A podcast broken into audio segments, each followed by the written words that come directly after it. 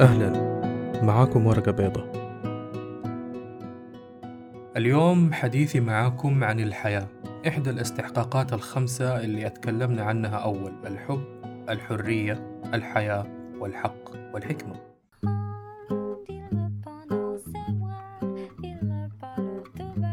أبغاكم تلاحظوا معايا شيء لما نشوف إعلانات المنتجات التجارية مثلا شخص يفتح قارورة عصير ويشرب مبسوط ويضحك وحواليه ناس يرقصوا آه موظف ماسك شنطة العمل يطالع في الساعة الغالية اللي في يده ويمشي كده واثق ونظرته تدوب البنات وبعدين يقول لك ايه this is life واللي نيجي في الجانب الثاني الناس اللي بتخاطبنا بلغة الدين وتورينا قد ايش الحياة ملعونة وتلهينا عن الأهم وإنها مليانة شرور ولا الأخبار حروب امراض مشاكل تخويف يا اخوان انتم متاكدين انه احنا عايشين صح معليش يعني في احد منكم عايش الحياه اللي يبغاها مو معقول يعني مو معقول بنشوف الحياه من خلال منظور اعلانات او اخبار او اراء ناس اخرين او اراء مجتمع بيفصلوا لنا الحياه بطريقه مبرمجه يعني دراسه وظيفه زواج مظهر اجتماعي اهداف تارجت تحققه في كل الناس يشوفوك ناجح ينظروا لك نظرة انك ايه انت واحد مننا فانت تمام او او يحسدوك في الاخير لو سألتكم عن الحياة ايش هي الحياة هتجاوبوني بايش يعني انا والله حكون سعيد لو لو آه، تشاركوني الاجوبه دي آه، الايميل وحساب الانستغرام وتويتر موجودين ورقه بيضة بس خليني اقول لكم على شيء اجابتكم عن معنى الحياه هي نفسها النتائج اللي بتعطيكم هي الحياة الآن وبكرة الحياة حلوة بس نفهمها عشان نعرف نعيش الحياة صح نحتاج نعرف إيش هي وأنا عارف يعني ما, ما هو سهل نختصر بسطرين شيء له ملايين السنين إحنا عايشين فيه من بداية البشرية وملايين الكواكب والمجرات إيش الفائدة أو السبب في إننا هنا موجودين؟ يعني أنا هنا موجود وفلان عايش وفلان عايش وأمم عايشين معانا ما أدري يمكن في مخلوقات تانية في عالم تانية موجودة وكل واحد شايف الحياة بطريقة ولكن في نظرة شمولية في في صورة أكبر كلنا نفسنا نطلع فوق شوية ونشوف الحياة بالصورة الأكبر نخرج من إطار نفسنا وحياتنا عشان نفهم الحياة أحيانا نشوف واحد مسكين حاله يكسر الخاطر ونسأل هذا كيف عايش وأحيانا نشوف واحد مبسوط وربي معطيله نعم كثيرة جدا وبرضه نسأل هذا كيف عايش كذا من أين لك هذا ونسمع عن قصص الناس اللي طلعوا من الصفر لقمة السعادة في الحياة على حسب تصورنا هنا في سؤال خفي تقدر تقول صوت داخلي أحيانا نسمعه وأحيانا ما نسمعه يسأل إيش الحياة؟ إيش الحياة اللي ناس عايشينها بالطول والعرض وناس عايشينها في حرمان وألم وناس عايشينها مبرمجين زي الروبوت وروتين قاتل وناس شكلهم غلبانين بس مبسوطين وناس أثرياء بس مكتئبين وتعبانين ما هي الحياه يعني اعطونا دليل ولا مانيوال زي دليل المستخدم عشان خلاص اظبط امور حياتي المانيوال موجود بس فين بداخلك في الحياه اللي جوتك اذا نويت تقراه حتساعدك الحياه وتلاقي كل من يستطيع انه يشرحه لك ابتدى يدخل حياتك سواء شرح جميل او شرح صعب لما سالتكم عن ما هي الحياه اكيد عندكم اجابات واعتقد أغلب الإجابات محصورة في نطاق زمني ومكاني معين بس الحياة ما لها بداية ولا لها نهاية لأنها إحدى تجليات اسم الله الحي والحي سبحانه حي لا يموت يمكن أغلب الإجابات محصورة في الدنيا وفرق بين الدنيا وبين الحياة الدنيا مرحلة والحياة تحتوي هذه المرحلة من ضمن مراحل أخرى يمكن الناس اللي أقنعوني إن الدنيا ما فيها خير وكلها تعب ومشقة ما استوعبوا لسه الحياة بكافة مراحلها ومدى ترابط كل المراحل ببعضها ما استوعبوا إن الحياة لا تريدنا تعساء ولا متحفزين لأي خطر وخايفين يمكن ما استوعبوا إن الحياة انعكاسات وإن الحياة الحقيقية في الداخل لأن الداخل روح والروح طاهرة وخالدة ويمكن الناس اللي بيحاولوا يقنعوني انه الحياه انغماس في كل اشكال المرح والبهجه والملذات وتكديس المقتنيات والخ الخ ما ادركوا انه البهجه شيء وسد فراغ الروح شيء اخر You only live once أنت تعيش مرة واحدة فقط لا حبيبي غلط مين قال ما حيفوتني شيء شيء مضر جدا إني أقتنع بهذه الفكرة وإني حعيش مرة واحدة فقط وأصير في سباق مع الزمن عشان أحصل على كل ما في الدنيا ويتولد عندي خوف من الوقت وخوف من الموت وخوف من النقص وإلى آخر أشكال الخوف لأني لسه ما شبعت ولا حشبع ويصير همي كيف أكون مبسوط فقط يقول مولانا جلال الدين الرومي كل نفس ذائقة الموت ولكن ليست كل نفس ذائقة الحياة لاحظ كل ما حولك كل شيء حي ناطق متكلم الألوان نسمة الهواء ذرات التراب اللي بتتحرك مع الريح الورد الشجر اللي في الشارع خذ نفس وراقب الشهيق والزفير اسمع نبضات قلبك كل شيء حي هناك حياه في كل شيء شيء اكبر من الكلمات والعبارات واللغه انا صراحه ما عندي تعريف للحياه ولا أحتاج تعريف للحياة لأن الحياة لم توجد لكي تفسر ولكن وجدت لكي تعاش كل الناس عايشة بس مين منهم على قيد الحياة لكي نحيا الحياة نحتاج نفهمها آه في آية في القرآن الكريم عادة ما تخليني آه أتأمل فيها شوية اعلموا أنما الحياة الدنيا لعب ولهو وزينه وتفاخر بينكم وتكاثر في الاموال والاولاد كمثل غيث اعجب الكفار نباته ثم يهيج فتراه مصفرا ثم يكون حطاما وفي الاخره عذاب شديد ومغفره من الله ورضوان وما الحياه الدنيا الا متاع الغرور كنت دائما انظر للحياه بحذر معلمين الدين الخطباء كلهم كانوا يحذرون من هذه الحياه بشكل رهيب بس لهو ولعب طيب هي لعبة مقارنة بالحياة اللي بعدها هي هي لعبة لهو طيب خليني أنظر لها على إنها لعبة لها نتائج يا رابح يا خسران يعني إيه كل لعبة لها شروط لها قوانين أمسك المانيوال اللي قلت لك عليه وأفهم كيف ألعب اللعبة الحياة لها قوانين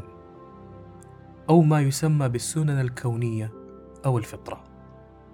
زيها زي أي شيء في حياتك تبغى تلعب شطرنج لازم تعرف قوانين الشطرنج تبغى تسوق سيارة لازم تتعلم قوانين قيادة السيارة تبغى وظيفة لازم تعرف قوانين التوظيف في الشركات تبغى تحب وتدخل في علاقة لازم تعرف قوانين الحب والعلاقات كل شيء في الكون له قانون ومبادئ حركة الكواكب حركة الشمس والقمر محكومة بقوانين وحسابات دقيقة جدا وما عمرنا سمعنا الشمس قالت والله أبغى أحط سنوزة وغفوة خمسة دقائق وبعدين أطلع الجاذبية نفس الموضوع قانون ومبدأ لو حطيت من السطوح أكيد حتطيح وتتعور مجموعة الأفراد سواء في قبيلة أو مجتمع مدني أو في محيط العائلة أو الشركة لها قوانين ومبادئ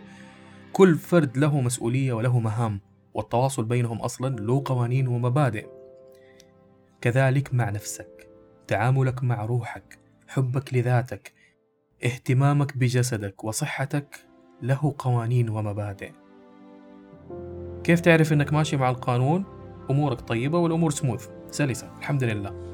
كيف تعرف إنك ما أنت ماشي معاه حتكون في لخبطة سلبية معينة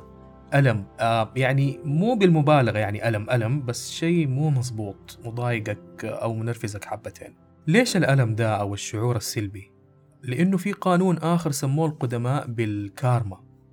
اللي أول مرة يسمع عن الكارما دائما يفسروها تفسير عام إنه اللي تعمله يرجع لك عمل طيب يرجع طيب عمل بطال يرجع بطال وفي الحقيقة والواقع واحدة من مهام قانون الكارما إنه لما تكسر بعض القوانين يجيك ويصححك ويقول لك بالله أرجع على المسار تاني الله يرضى عليك لذلك دائما يخبرنا الحكماء أن الألم موجود لأنه يحمل لنا رسالة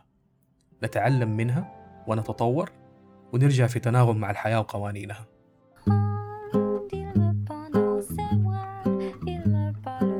طيب يا محمد يعني فهمنا إيش يعني قوانين الحياة وإنه كل شيء له قانون وسيبنا من موضوع قانون الجاذبية وقانون حركة الذرة والكيمياء والكلام اللي ماله آخر أنا أنا أنا إيش القوانين اللي أحتاج أفهمها عشان أعيش الحياة اللي أبغاها عشان أستحق الحياة اللي راسمها في بالي وكم قانون هي أصلا يا سيد الفاضل قوانين الحياة ما نعرف كم وكل القوانين اللي اكتشفها البشر أو أخبرتنا عنها الديانات أو الأنبياء أو الحكماء هي في الأخير تفاصيل من جزء من أجزاء الحياة بس الخبر الحلو إنك لو حاولت تفهم كم قانون واشتغلت إنك تكون صادق مع نفسك وتمشي بالتناغم والانسجام مع الحياة وتفاصيلها حتلاقي القوانين أصلها واحد وكلها حتخدمك ويتسخر الناس والمعلومات اللي حتساعدك آه أوكي ده واحد من القوانين قانون النية أنت إيش نيتك كما في الداخل كذلك هو في الخارج انسايد اوت إنما الأعمال بالنية قانون كما هو في الداخل كذلك هو في الخارج أتكلم عنه ستيفن كوفي في كتاب العادات السبعة للناس الأكثر فعالية إنه منظورنا الفكري لكل شيء يحيط بينا ولكل شخص نقابله ولكل حدث يصير في حياتنا إحنا بنترجمه على حسب أفكارنا الداخلية انت تشوف ابوك وامك مثلا مثال للتربيه الفاضله اختك المراهقه شافتهم قاسيين ومفتريين آه، أنت شايف إنك مسؤول عن خياراتك وقراراتك وكل نتائج أفعالك غيرك شايف نفسه ضحية مجتمع ضحية تربية وإنه أفعاله كانت غصبا عنه وما يتحمل مسؤوليتها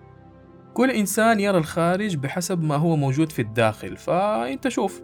كيف ترى حياتك أو أو إيش الأفكار اللي جوتك اللي خلتك تشوف الخارج بهذه الطريقة وهذا يخلينا نتطرق لقانون آخر مشابه هو قانون الانعكاس إنه الخارج انعكاس ما بداخلنا تماما مثل المرآة يعني مثال تكون جالس في كافيه مع صاحبك يدخل شخص انت لاحظت انه منظره غريب فتقول لصاحبك يا اخي الشخص ده يعني ملابسه غريبة وما هي مقبولة والمفترض انه يحترم المكان اللي فيه وصاحبك شايف الموضوع يعني عادي يقول لك يا اخي والله عادي يعني وش فيها ملابسه عادية وتصرفه عادي وبيضحك ومبسوط هو عكس شيء عندك في الداخل ترفضه وعكس لصاحبك شيء جميل داخله قانون الانعكاس يعمل بشكل أقوى أيضا في العلاقات العميقة في العلاقات العاطفية لأنه دائما المتحابين والمتزوجين أرواحهم قريبة جدا من بعض فتظهر خلافات كثيرة سببها عدم التقبل لأننا في الأصل انعكس لنا شيء عميق في الداخل وإحنا مش واعيين له ولسنا متقبلين له أصلاً واحدة من القوانين أيضا واللي يعني هلكوكم الناس به وسمعنا عنه مرة كثير قانون مشهور اللي هو قانون الجذب آه في ناس بتعارضه في ناس بتأيده في ناس متعصبة له في ناس مرة ما هي معترفة به في ناس يقولوا حلال في ناس يقولوا حرام بغض النظر عن تسمية هذا القانون بغض النظر إن اسمه قانون جذب ولا قانون شطح ولا نطح ولا قانون آه فستق وحلاوة هو ك... هو يعني يعتبر قانون آه قائم على حقيقة في الكون يعني زي احنا رجعنا مثلا علم الكوانتم فيزيكس أو الفيزياء الكمية بيقول لك إنه الكون قائم على التذبذب أو الذبذبة لأنه محصل الطاقة وكل الجزيئات تنجذب للجزيئات اللي لها نفس الذبذبة نوايانا طاقة أفكارنا طاقة تترجم عن طريق مشاعر والمشاعر هي ما تقود السلوكيات والقرارات أعتقد الموضوع واضح لو تركيزك محصور على الفرص والأمل والحلول ستجذب ذلك والعكس أيضا صحيح والقوانين الروحية من هذا النوع كثير قانون السبب والنتيجة، قانون المتناقضات، قانون الحضانة والتغيير، ولو بحثتوا في النت والكتب وعن المعلمين اللي بيشرحوا هذه القوانين حتلاقوا معلومات مفيدة. آه ليش أنا أحتاج أعرف القوانين دي؟ عشان زي ما قلت جهلنا بشروط وقوانين أي لعبة يعرضنا للخسارة بطريقة كبيرة ومحتملة جدا. عدم حصولك على الحياة التي تريد يعني في قوانين تحتاج تعرف كيف تمشي معاها انك يعني انت حاسس بخساره وانت في لعبه معناته في شروط في قوانين انت ما عرفتها شعورك بالضغط النفسي بالحسره بالضياع بالتشتت شعورك انك مبسوط وراضي بس حاسس بملل او حاسس في شيء ناقص هذه كلها مؤشرات انه هناك قوانين لازلنا نجهلها وربما نعمل ضدها الموضوع هنا ما هو موضوع حلال وحرام أو صح أو غلط بقدر ما هو موضوع التطور والنمو موضوع ارتقاء ووفرة لأن الكون لا نهائي والوجود حولك يتفاعل مع نظرتك وأفكارك ومعتقداتك فطالما هناك فرص لا نهائية أنا ليش أوقف في مكاني؟ أو ليش أرضى على نفسي علاقة مسمومة أو مكان يمتص من طاقتي أو مصدر دخل محدود بمجهود زائد عن الحد؟ هذه كلها ضد قوانين الكون قوانين منها ما يرتبط بالحب وحب النفس ومنها ما يرتبط بالمسؤولية الفردية وحرية الاختيار وعلى قدر مخالفتنا للقانون أو المبدأ يكون الألم على نفس القدر خليني أقول لكم على تمرين بسيط عشان نعرف إيش القوانين والمبادئ اللي نحتاج نعرفها لكي نحصل على حياة نريدها ونرفع استحقاقنا لذلك جيب ورقة وقلم أقعد مع نفسك أعمل قائمة بكل جوانب حياتك الجانب الصحي، الجانب المالي، الجانب العائلي، الجانب العاطفي، مشاريع، بزنس، وظيفة، ترفيه، تسلية، سفر، واكتب عند كل جانب مدى رضاك عنه من واحد لعشرة، واحد يعني غير راضي تماما وعشرة راضي أشد الرضا. هذا التمرين لك أنت، ما في أحد حيشوفه. كن صادق مع نفسك. حتى لو في فكرة إنك غير راضي تماما، تقبل هذه الفكرة. والله يعلم تماما نيتك فاطمن إذا كنت راضي الحمد لله أهنيك على كمية السلام والرضا الموجودة عندك وثق تماما أن قوانين الكون ستعمل على مضاعفة ما لديك لإن شكرتم لأزيدنكم قانون الوفر الذي يتضاعف بالامتنان والامتنان ده موضوع طويل ورهيب ولذيذ وظريف حنتكلم عنه بعدين إن شاء الله وإذا كنت غير راضي أسأل نفسك ما هو الوضع الذي أريده وماذا أحتاج أن أعمل وأن أعرف عشان أوصل للوضع المرغوب دائما اللي تحتاج تسويه وتعرفه هو القوانين التي تحكم الوضع الذي اخترته يعني على سبيل المثال الوضع المالي عندك مضروب فمعناته في قوانين انت ما انت ماشي معاها تحتاج تعرفها مبادئ المال مبادئ التوفير مب... يعني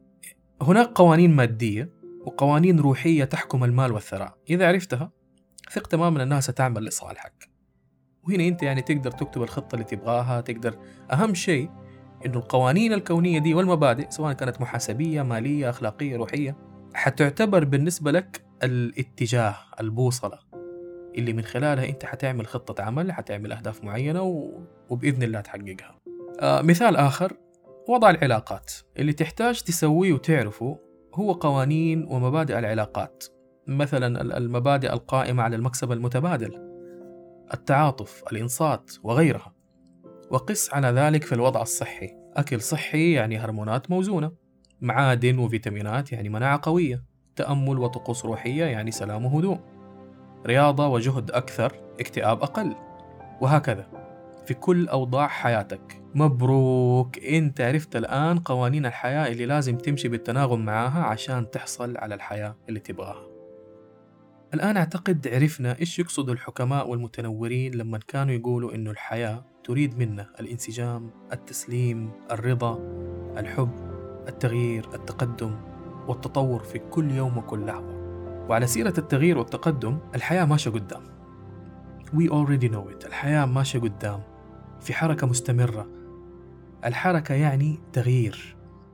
لذلك تجد كل من تمسك بالماضي أو ما يبغى يغير من نفسه أو لا زال رهين فترة من فترات ماضيه بتيجي الحياة وتحاول دفعه للأمام بكل طريقة إلى أن تدفعه بالطريقة المؤلمة اللي يا يصحى منها ويتحرك بانسجام ويتابع حركته أو يعيش في الندم والاكتئاب ولوم الظروف والآخرين هنا في مقولة عجبتني لأينشتاين بيقول فيها إنه الحياة مثل قيادة الدراجة لكي تحافظ على توازنك عليك أن تتابع المسير لكي تستحق الحياة لازم تعرف إنك هنا لقيمة لغرض وإنك الآن في الوقت والمكان المناسبين وإنه عندك قدرات كافية ومهارات كافية ووعي وتفكير مناسبين وإنك الآن ترسم حياة صح موجهة مليانة قوة بشغفك وقدراتك ومتجهة لاتجاه واضح وجود الاتجاه كفيل بعلاج الشعترة والضياع كفيل بإعطائك سبب يخليك تصحى من النوم الصباح وإنه أي شيء أي شيء يصادفك في الحياة تجربة ممتعة أو تجربة مؤلمة هي موجودة لإعطائك معاني إضافية للحياة لأنك تستحق أن تعيش الحياة بكامل تجاربها بارتفاعاتها ومطباتها بانتصاراتها وهزائمها وتيرة الحياة الواحدة مستحيلة لا توجد فيها راحة دائمة ولا بؤس دائم الحياة تتحرك وتستمر وإنت تقرر على أي اتجاه تتجه من حقك أن تحيا الحياة فقط اختر اتجاهك واختر اللعبة القادمة واقرأ شروطها وابدأ المغامرة واعرف نفسك معرفة النفس هي اللي تعطيك القوة للاختيار والقوة في المشي مع القوانين والقوة إنك تكون عارف شروط اللعبة معرفة نفسك وقيمك وشغفك ومواهبك هي اللي تخليك تعيش حياة تشبهك ولا تشبه ما يقوله لك الآخرون تحلى بالشجاعة ما عندك شيء تخسره الحياة تتقلص وتتمدد بناء على شجاعة المرء يقول ليز براون أغلبنا لا يعيش أحلامه لأنه يعيش كوابيسه بدلا من ذلك واو واو كلام مرة عميق وحتكلم معاكم في ده بعدين إلى ذلك الوقت كان معاكم محمد وبودكاست ورقة بيضاء كونوا بخير